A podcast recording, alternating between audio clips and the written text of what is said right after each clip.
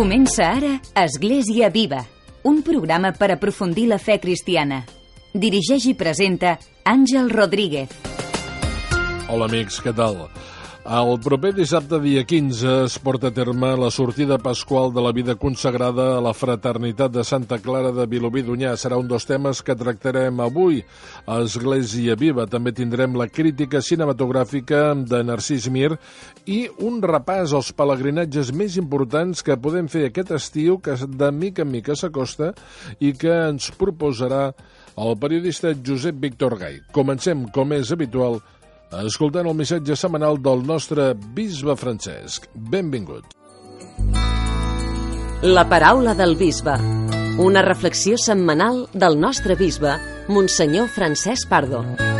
Benvolguts radioients. Pasqua de Pentecosta. El vostre esperit, Senyor, dóna vida. Quan invoquem Déu, ho fem en el nom del Pare, del Fill i de l'Esperit Sant. Amb Déu Pare establim comunicació i som conscients del que significa la seva paternitat. Pensem en la pregària del Pare Nostre. A Jesucrist el coneixem sobretot pel testimoni del Nou Testament. Celebrem la seva presència, l'escoltem i mantenim una relació de proximitat. I l'Esperit Sant?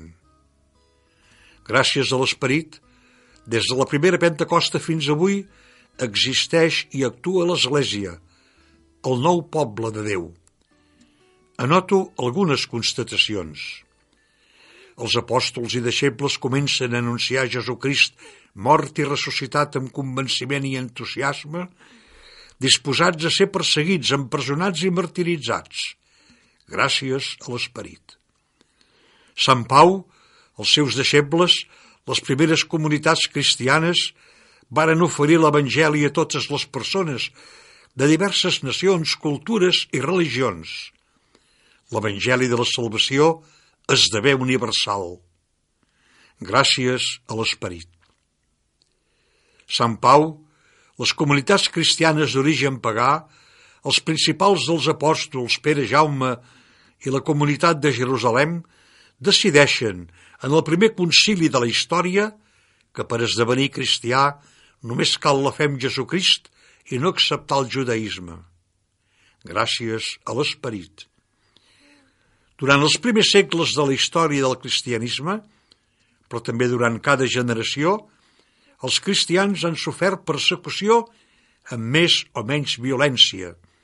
Molts, al llarg dels segles, han sofert la mort i són els màrtirs.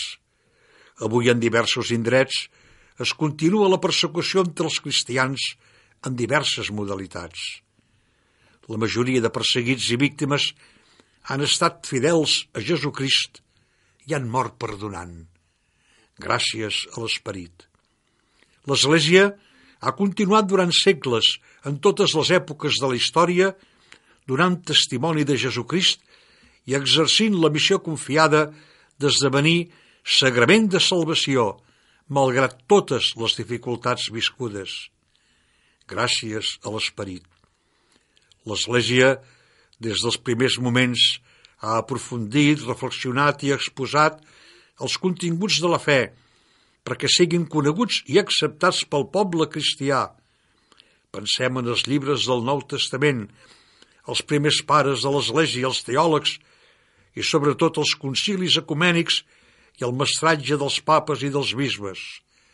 Gràcies a l'Esperit.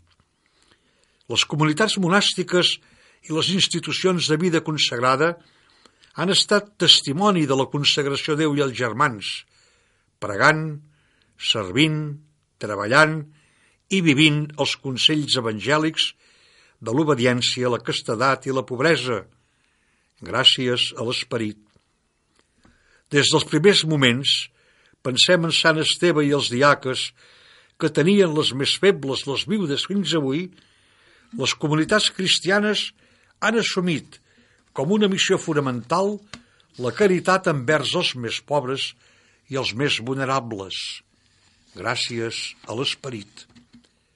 Les comunitats cristianes parroquials han teixit una gran xarxa en tots els territoris per viure la fe cristiana, celebrar-la, ensenyar-la, proclamar-la, explicitar-la amb els serveis i l'acolliment a tothom. Gràcies a l'Esperit. L'Església és santa per l'acció i la gràcia de Déu i pecadora per la condició humana dels qui la formem. Cada època en la història ha estat conscient de les infidelitats i pecats personals i comunitaris. Certament que hem enfosquit i deformat de moltes maneres el rostre de Crist, però alhora s'ha manifestat amb netedat la vida segons l'Evangeli, gràcies a l'Esperit. Els laics, en la seva vida, els moviments evangelitzadors, els voluntaris de tants i tants serveis pastorals, els preveres, els diaques, els bisbes, assumint les seves responsabilitats, manifesten la presència i acció de l'Esperit Sant. Avui continua la Pentecosta. I fins la propera setmana, si Déu plau.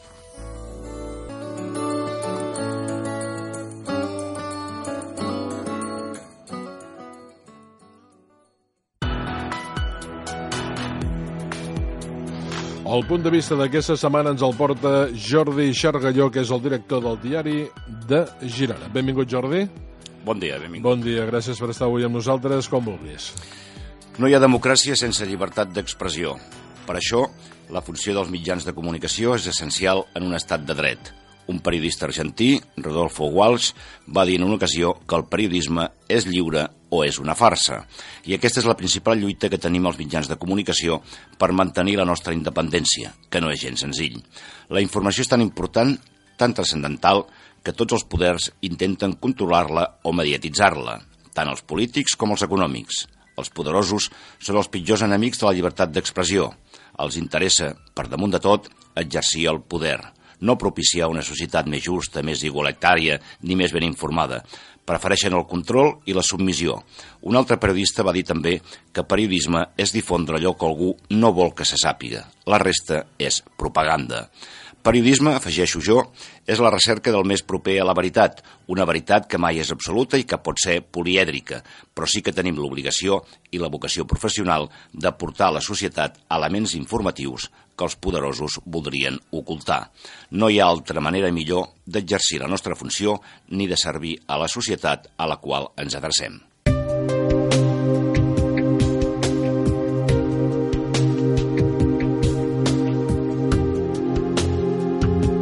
Cada setmana per aquesta emissora, Església Viva.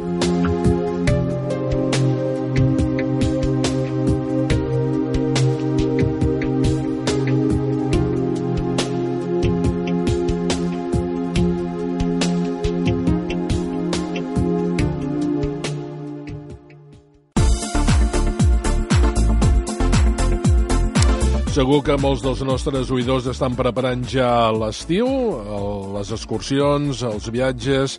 Bé, doncs hem convidat amb el periodista Josep Víctor Gall perquè ens pugui assessorar de quins pelegrinatges podríem anar. Benvingut, eh, Víctor. Ben trobats.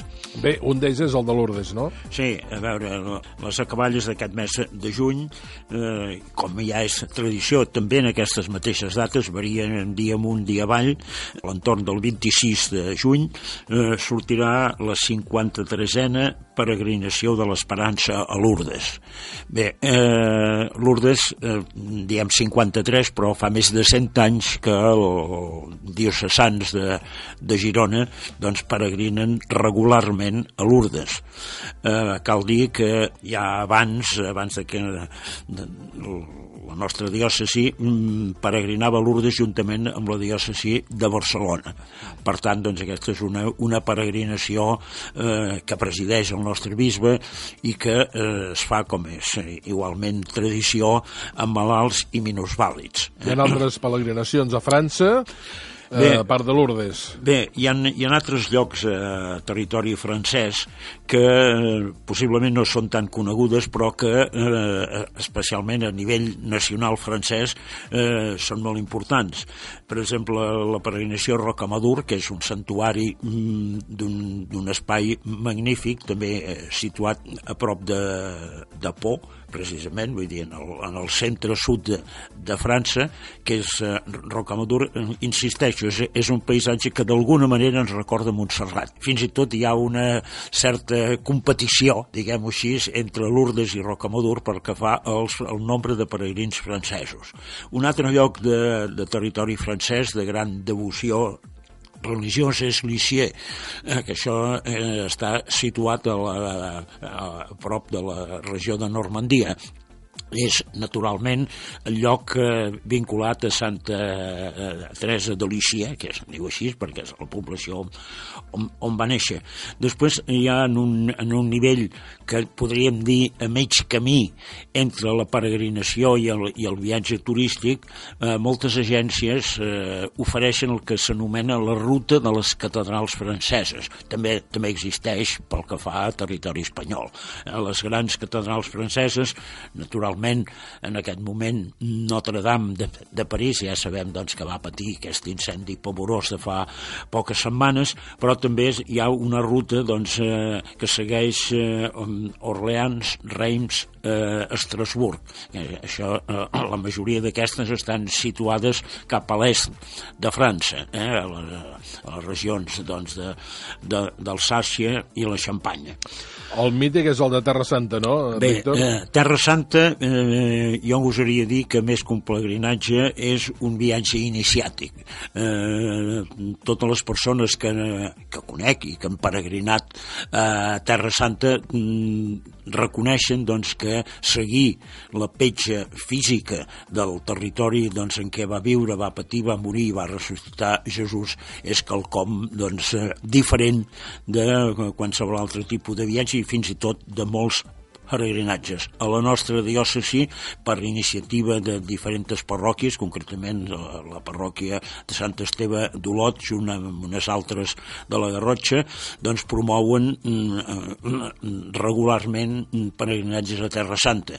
I eh, el nostre bon amic Pere Codina doncs també eh, n'organitza des de fa més d'una dotzena d'anys algun peregrinatge eh, a, a Terra Santa normalment cap cap a la, la tardor, eh, hivern, doncs, de cada any. Bàsicament ho, ho organitzen en aquesta època precisament perquè la temperatura atmosfèrica és més suportable eh, doncs, eh, a Terra Santa en aquesta època que no, que no en ple estiu. També recomanes Itàlia, el Vaticà? Bé, el Vaticà podríem dir que és el segon viatge iniciàtic. En realitat és no només el Vaticà, sinó les, les altres tres basíliques majors que hi ha eh, a la capital italiana. El Vaticà, recordem-ho, com a eh, curiositat, no forma part d'Itàlia, és un país independent, eh, un dels països més petits del món, però precisament les, eh, les basíliques majors, eh, Sant Pau Extramur, Santa Maria Major, eh, són en territori vaticà. És a dir, que cada vegada que, que, que s'entra o que es visita una d'aquestes basíliques majors tornes a estar en territori vaticà. Bé, això és una anècdota, no? Però eh, a Roma, sense moure'ns de Roma, hi ha espais igualment doncs, molt importants per la vida eh, de les primeres comunitats cristianes. Eh, en recordem les, les, les catacombes on s'amagaven i s'enterraven eh, els màrtirs, els primers màrtirs de les grans persecucions i també el Coliseu, doncs, que era on van patir martiri i que, recordem-ho, és precisament cada divendres sant, eh, des de ja fa un grapat d'anys, el, el, el papa doncs, presideix un via crucis en aquell espai. Cal dir que Roma, eh, com a ciutat, té l'inconvenient precisament, o les, els problemes derivats precisament de la gran quantitat de visitants que té la ciutat. Sense moure'ns d'Itàlia, eh, trobaríem altres eh, punts de, de, de peregrinatge, com és la ciutat de Sis, eh, vinculada doncs, als franciscans, a Sant Francesc de Sis. Eh, eh, també, també tenim, això és una gran devoció a, a Itàlia, els peregrinatges eh, allà on va viure i va morir i està enterrat eh, el pare Pio, que està situat en el sud d'Itàlia. També, sense moure'ns del sud, eh, hi ha el santuari de Nova Pompeia, eh, de gran de, devoció, també igualment per, pels eh, catòlics italians, que està situat, com es desprèn del nom, doncs està situat al costat de les ruïnes de, a Pompeia. La setmana que ve et convidarem de nou, Víctor, perquè encara ens en falten molt més. Els, de, sí. els, els pelegrinatges a l'est d'Europa i els que podem fer a l'estat espanyol, que potser aquests ens sortiran més bé de preu. Exacte, segurament. Fins la setmana que ve, Víctor. Gràcies. Fins la setmana entrant, si Déu vol.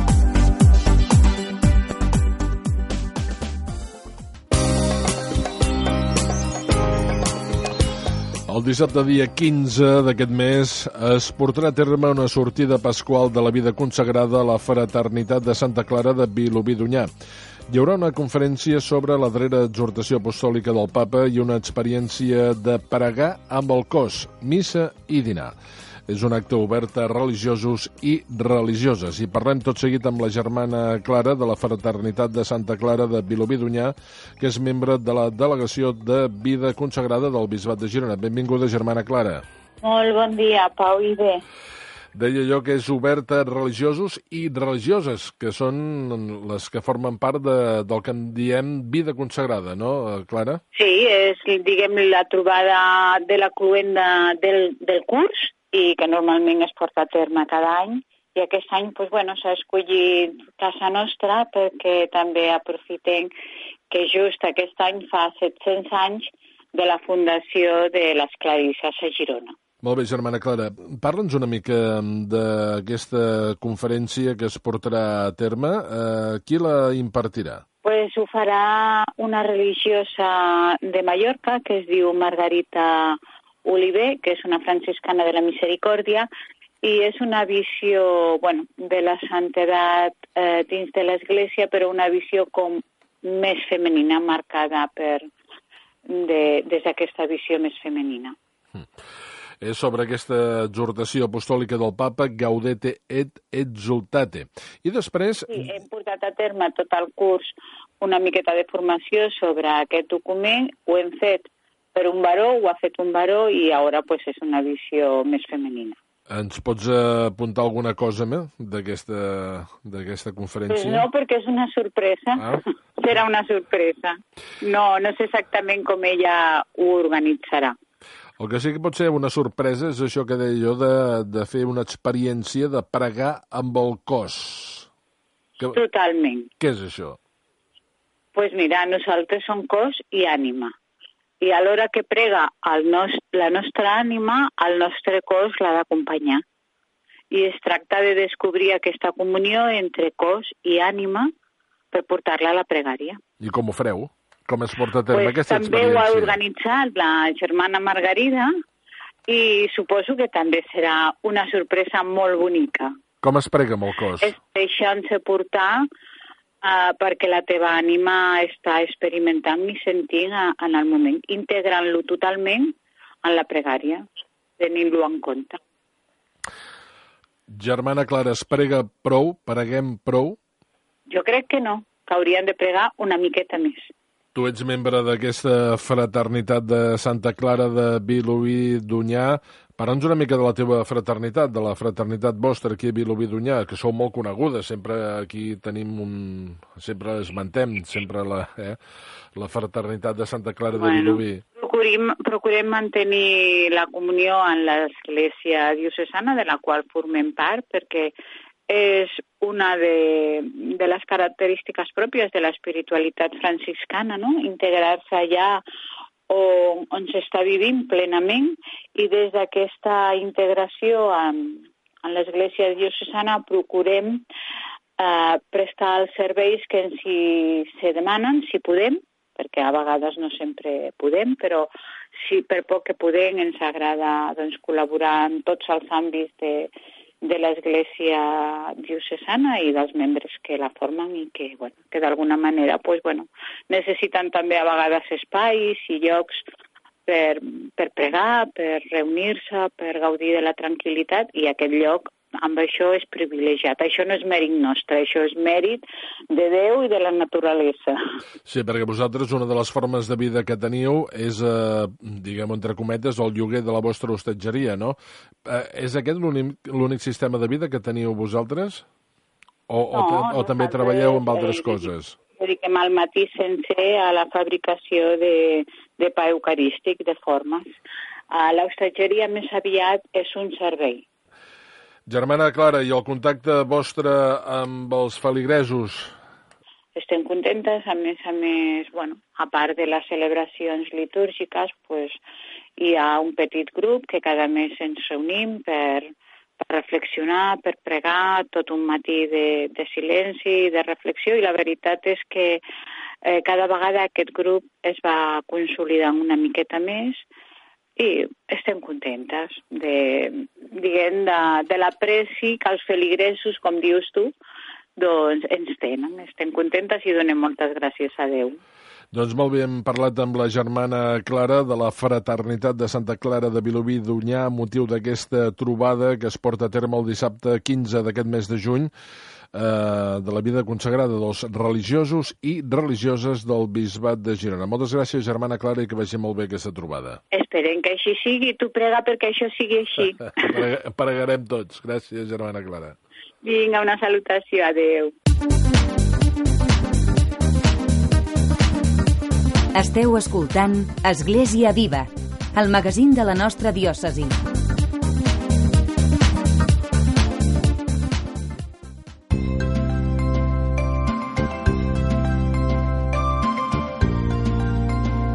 Un cop al mes tenim aquesta crítica de cinema de valors que ens porta el periodista Narcís Mir. Benvingut, Narcís. Hola. Uh, quina pel·lícula ens recomanes avui? Mira, uh, aquesta setmana, posats a parlar de, de valors uh, durant aquesta època de l'any, doncs podríem parlar de, del valor de la música com a motor de vida, no? I en aquest cas, doncs, parlaríem de, de Rocketman, que és aquesta biografia musical de la figura d'Elton John, i que una mica és un personatge que ha transcendit una mica a, a la seva generació, perquè molt, molt, molta gent eh, de certa generació coneix la, la música d'Elton John, però eh, la gent jove també doncs, l'ha acabat coneguent i ha fet una mica que aquesta figura eh, coneguda a nivell internacional doncs, s'hagi eh, eternitzat durant, durant, durant molts anys. No? I ara arriba aquesta biografia que funciona molt bé com a pel·lícula perquè és una biografia entre, entre que juga entre el biòpic més tradicional i una mica doncs, la, la fantasia musical. No? Els, els números musicals eh, apareixen com, com, com elements molt, podríem dir que deixa de banda la part més realista i aprofita doncs, la seva música per convertir en números musicals quasi com un, com un musical clàssic de, de les pel·lícules d'abans, no? I això fa que sigui una, una pel·lícula prou interessant. I, Quins i, valors hi ha en aquesta pel·lícula, Narcís? Bueno, doncs bàsicament conèixer una, una, una persona que, que ha estat un ídol i que ha estat un referent a nivell musical doncs, a través de, de la música i que ha utilitzat doncs, el seu creixement personal i la, la música com a motor del seu creixement personal i, i això és important d'una persona que era uh, molt tímida uh, i, i amb, molts, amb moltes problemàtiques amb la seva família de petit i que gràcies a, a la música i la seva creativitat doncs, ha estat una figura capdalt en el món, en el món artístic i en el món, i en el món musical no? i això serveix una mica com, com a referent també Qui hi ha d'actors? Doncs eh, el protagonista principal és Tom Egerton, que és un, un actor prou jove i que es posa la pell d'Elton John i que ho fa realment bé. No només, moltes vegades en els biòpics, a vegades eh, es parla molt de, de, de l'element físic, no? de que s'assembli molt en el personatge, i jo crec que en aquest cas, tot i que s'hi sembla i que està ben, ben caracteritzat, eh, podríem dir que la seva interpretació és, és, és notable i que fins i tot doncs, canta les cançons eh, ell mateix i que té un punt també irònic i sarcàstic de, de figura de, de riures d'ell mateix, no? de la figura de, pròpia d'Elton John, i això sempre és positiu, eh, el sentit de l'humor i riures d'un mateix, i suposo que una persona doncs, que té més de 50 anys de carrera, doncs una mica està de volta de tot i, i és interessant doncs, que també tingui aquest punt irònic i això fa que la pel·lícula també funcioni, funcioni prou bé. I si busqueu, si busqueu al Google ràpidament o a la Wikipedia uh, Elton John veureu això, no? que bàsicament la primera línia ja t'explica que uh, és un cantant amb més de 50 anys de carrera, més de 30 àlbums al mercat, més de 300, 300 mm, milions de còpies venuts, per tant uh, és una figura capdalt en el món de la música, t'agradi o no t'agradi tant el seu estil. I a ell li ha agradat la pel·lícula? Sí, perquè ja hi he participat, en certa manera. Això també fa que no tingui un punt de vista massa, tampoc massa crític en determinats aspectes que podria eh, aprofundir més, que podria tenir un tom més realista, però que, que en canvi doncs, eh, l'equilibri entre, entre aquesta fantasia musical i el realisme està ben trobat i possiblement és, és un xic diferent de... Fa poc teníem la, la biografia de, de Freddie Mercury, no? que, que va arribar als cinemes fa, fa pocs mesos, aquesta pel·lícula és un xic diferent i, i té un bon equilibri entre això, entre, entre la fantasia musical, els números musicals i el realisme de, dels biòtips clàssics no? d'explicar la vida d'una figura musical com és Elton John. Quan dura? Jo sempre t'ho pregunto per sí, saber si dura, dura més, més de dues hores, però pensa que hi ha molts números musicals, hi ha molta música i, i pràcticament avorrir-te no, no, no t'avorreix i fins i tot jo crec que hi hauria d'haver-hi determinades pel·lícules que ja seria hora que, que, que partessin una mica les butaques i deixessin espai per, per aixecar-se i moure els peus i, i ballar, perquè aquestes és d'aquestes pel·lícules que de tant en tant t'aixecaries i, i et posaries a ballar la, la seva música. Es veu a les sales de cinema ara? Està a les sales? Sí, sí, és pel·lícula d'estrena d'aquesta setmana i és una de les pel·lícules interessants per veure i per això la volíem recomanar. Doncs molt bé, Narcís, el mes que ve t'esperem de nou a la teva crítica de cinema de valors. Gràcies, Narcís Mir, periodista, per estar avui amb nosaltres. Molt bé, doncs fins aviat.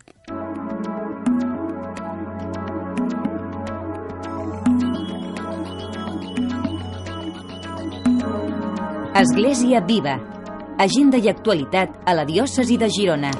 Aquest diumenge es porta a terme la jornada diocesana de la Pastoral de la Salut al Casal Bisbe Cartanyà sota el lema de Franc ho heu rebut, doneu-ho de Franc. Serà a partir de dos quarts de deu del matí amb la benvinguda i la pregària a càrrec del nostre bisbe.